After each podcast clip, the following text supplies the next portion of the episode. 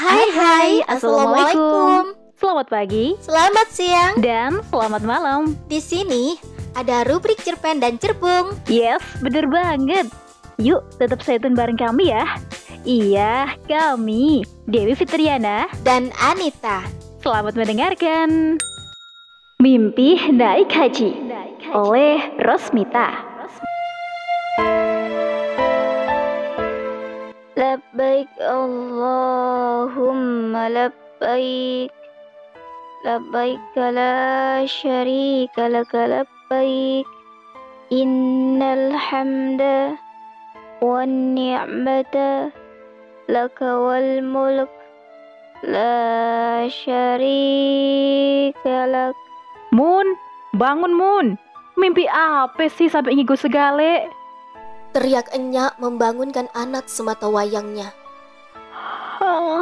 Hmm, aye mimpi naik hajinya Jawab Munah. Masya Allah, cakep banget mimpinya. Tapi kagak baik loh, habis subuh tidur lagi. Nasihat enyak. Eh, iya nyak. Tadi habis ada urusan, ayah ketiduran. Ujar Munah. Ya udah, mandi dulu sono. Terus bantuin Enyak jualan. Munah pun langsung bangun dan mandi. Maimunah atau yang biasa dipanggil Munah adalah seorang gadis berusia 20 tahun.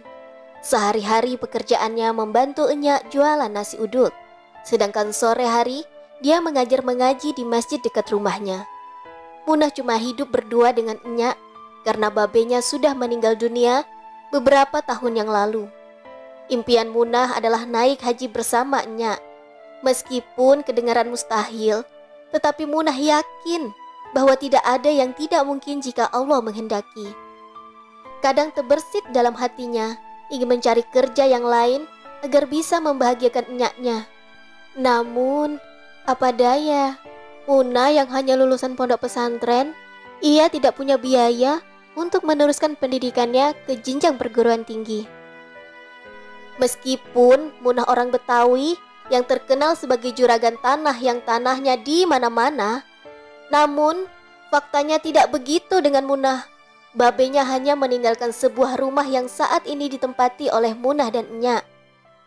Untuk memenuhi kebutuhan sehari-hari, diperoleh dari hasil enyaknya jualan nasi uduk. Gaji Munah yang hanya sebagai guru mengaji digunakan untuk keperluannya. Sisanya ditabung supaya bisa memenuhi impiannya untuk naik haji. Enyak selalu menolak bila Munah hendak memberinya uang. Udah, simpan aja buat keperluan Munah. Buat makan sehari-hari masih cukup kok dari hasil Enyak jualan nasi uduk. Kata Enyak. Tapi nyak, ayah pan gak enak belum pernah ngasih duit enyak. Ayah belum bisa ngebales jasa enyak. Belum bisa bahagiain enyak juga. Tutur Munah. Hus, Enyak kagak pernah minta balas budi ame Munah. Cukup Munah jadi anak yang solihah aja ya. Dan selalu mendoakan orang tua. Entuh deh cukup buat Enyak. Jawab Enyak. Makasih ya nyak, udah jadi enyak yang baik banget buat Munah. Gimana kalau duitnya Munah celengin aja ya buat biaya naik haji? Tanya Munah. Ya udah terserah Munah aja. Jawab Enyak. Pada suatu hari, ada wali santri yang datang ke masjid usai Munah mengajar mengaji. Assalamualaikum. Ustazah, saya mau bicara sebentar. Ujar Ummu Jahid meminta izin. Waalaikumsalam. Iya ye, silakan om. Ade perlu apa ye? Tanya Munah. Begini Ustazah, saya punya teman namanya Mbak Tini. Mbak Tini ini punya kenalan orang kaya yang baru hijrah.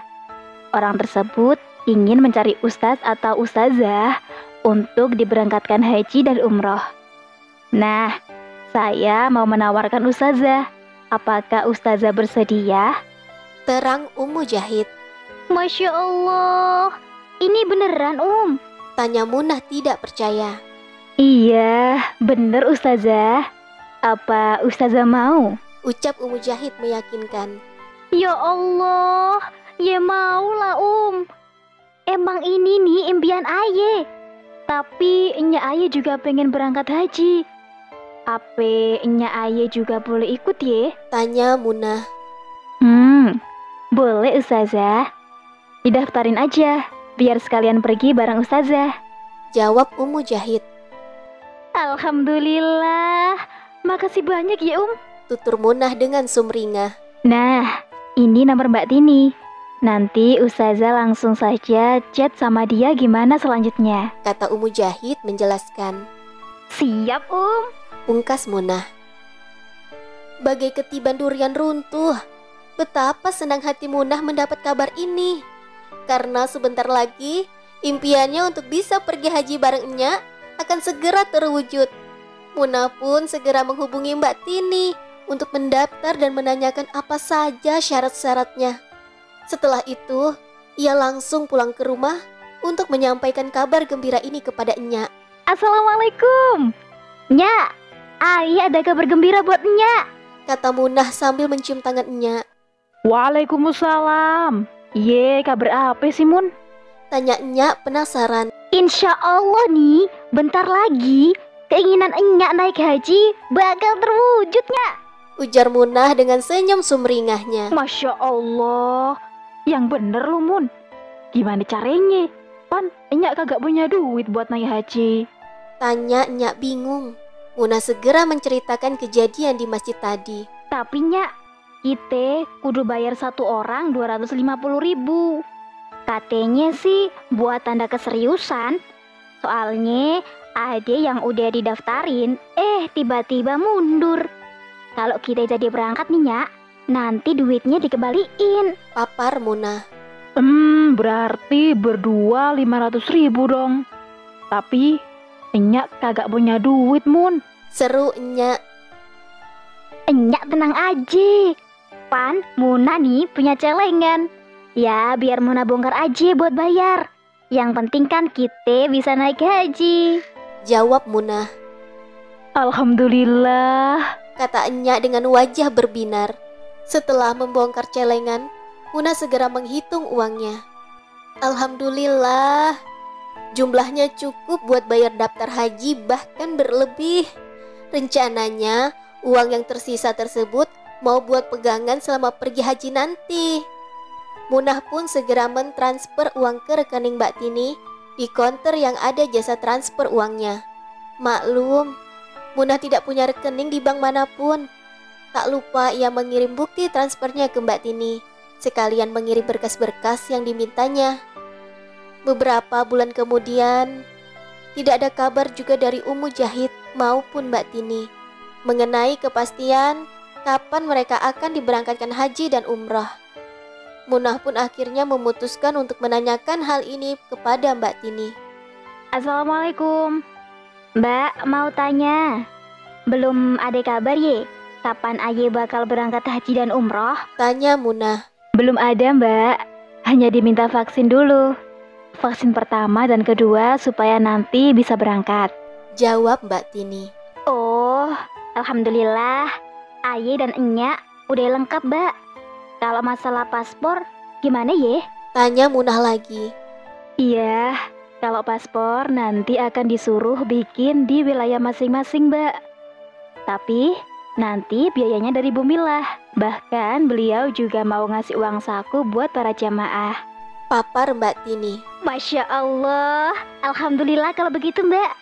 Aye tunggu kabar selanjutnya ya. Jawab Munah senang. Iya, Mbak. Nanti dikabarin lagi kok. Ujar Mbak Tini. Beberapa bulan kemudian, tidak ada kabar apa pun. Eh, Mun, gimana? Udah ada kabar belum dari Mbak Tini? Enya udah bikin akte nih. Pan katanya kalau bikin paspor kudu pakai akte. Enya kagak punya akte, Mun. Orang Enya dulu lahir di dukun beranak. Mana ada surat-suratnya? Tanya Nya. Iye, sabar ya Nyak. Nanti Munah tanyain lagi deh. Jawab Munah. Munah pun segera berlalu. Sebenarnya, ia baru dapat kabar dari Mbak Tini. Kalau ternyata Bu Mila adalah seorang penipu. Dia sudah melaporkan Bu Mila ke pihak yang berwajib dan berharap Bu Mila segera mengembalikan uang para jemaah yang sudah disetorkan. Namun, Munah tak sampai hati menyampaikan hal ini kepada Enyak. Tak tega rasanya melihat gurat kekecewaan di wajah enyaknya. Munah hanya bisa berdoa, semoga uangnya segera kembali. Tapi, kalaupun tidak bisa, biar ia tagih di akhirat nanti. Hanya saja ia bingung bagaimana caranya menyampaikan yang sebenarnya kepada Enyak. Ah, mungkin bagi Munah dan Enyak, naik haji hanya sekedar mimpi. Entah kapan impian ini bisa terwujud. Akhirnya, Munah memberanikan diri untuk menceritakan yang sebenarnya kepadanya daripada terus-menerus menutupinya.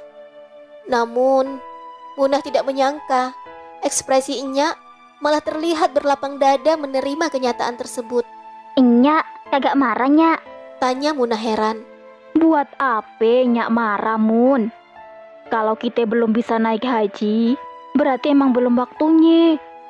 Sedih dan kecewa, ya pasti ada lah Mun. Tapi yakin apa yang menimpa ke kita nih adalah kode Allah. Dan kita kagak bisa menolak kode Allah. Katanya bijak. Tapi nyak, duit kita hilang gitu aja. Ujar Munah sedih. Udah, udah. Ikhlasin aja, Mun. Insya Allah nanti Allah ganti dengan yang lebih baik lagi. Katanya. Amin. Jawab Munah mengaminkan perkataan enyaknya. Semua yang menimpa kita dalam hidup ini, yang baik maupun yang buruk adalah ujian dari Allah Subhanahu wa taala. Namun, bagaimana kita menyikapinya, itulah yang akan dinilai olehnya. Apabila kita diberi nikmat oleh Allah dan kita bersyukur, maka akan menjadi kebaikan bagi kita. Dan apabila diberi musibah kita bersabar, maka akan menjadi kebaikan pula bagi kita. Wallahu alam bisawab. Alhamdulillah. Sekian podcast dari kami berdua. Semoga pendengar semua bisa mengambil hikmah dari cerita tersebut ya. Dan jangan bersedih dengan ujian. Sabar dan syukur adalah kunci kebahagiaan hidup. Oke sob, wassalamualaikum.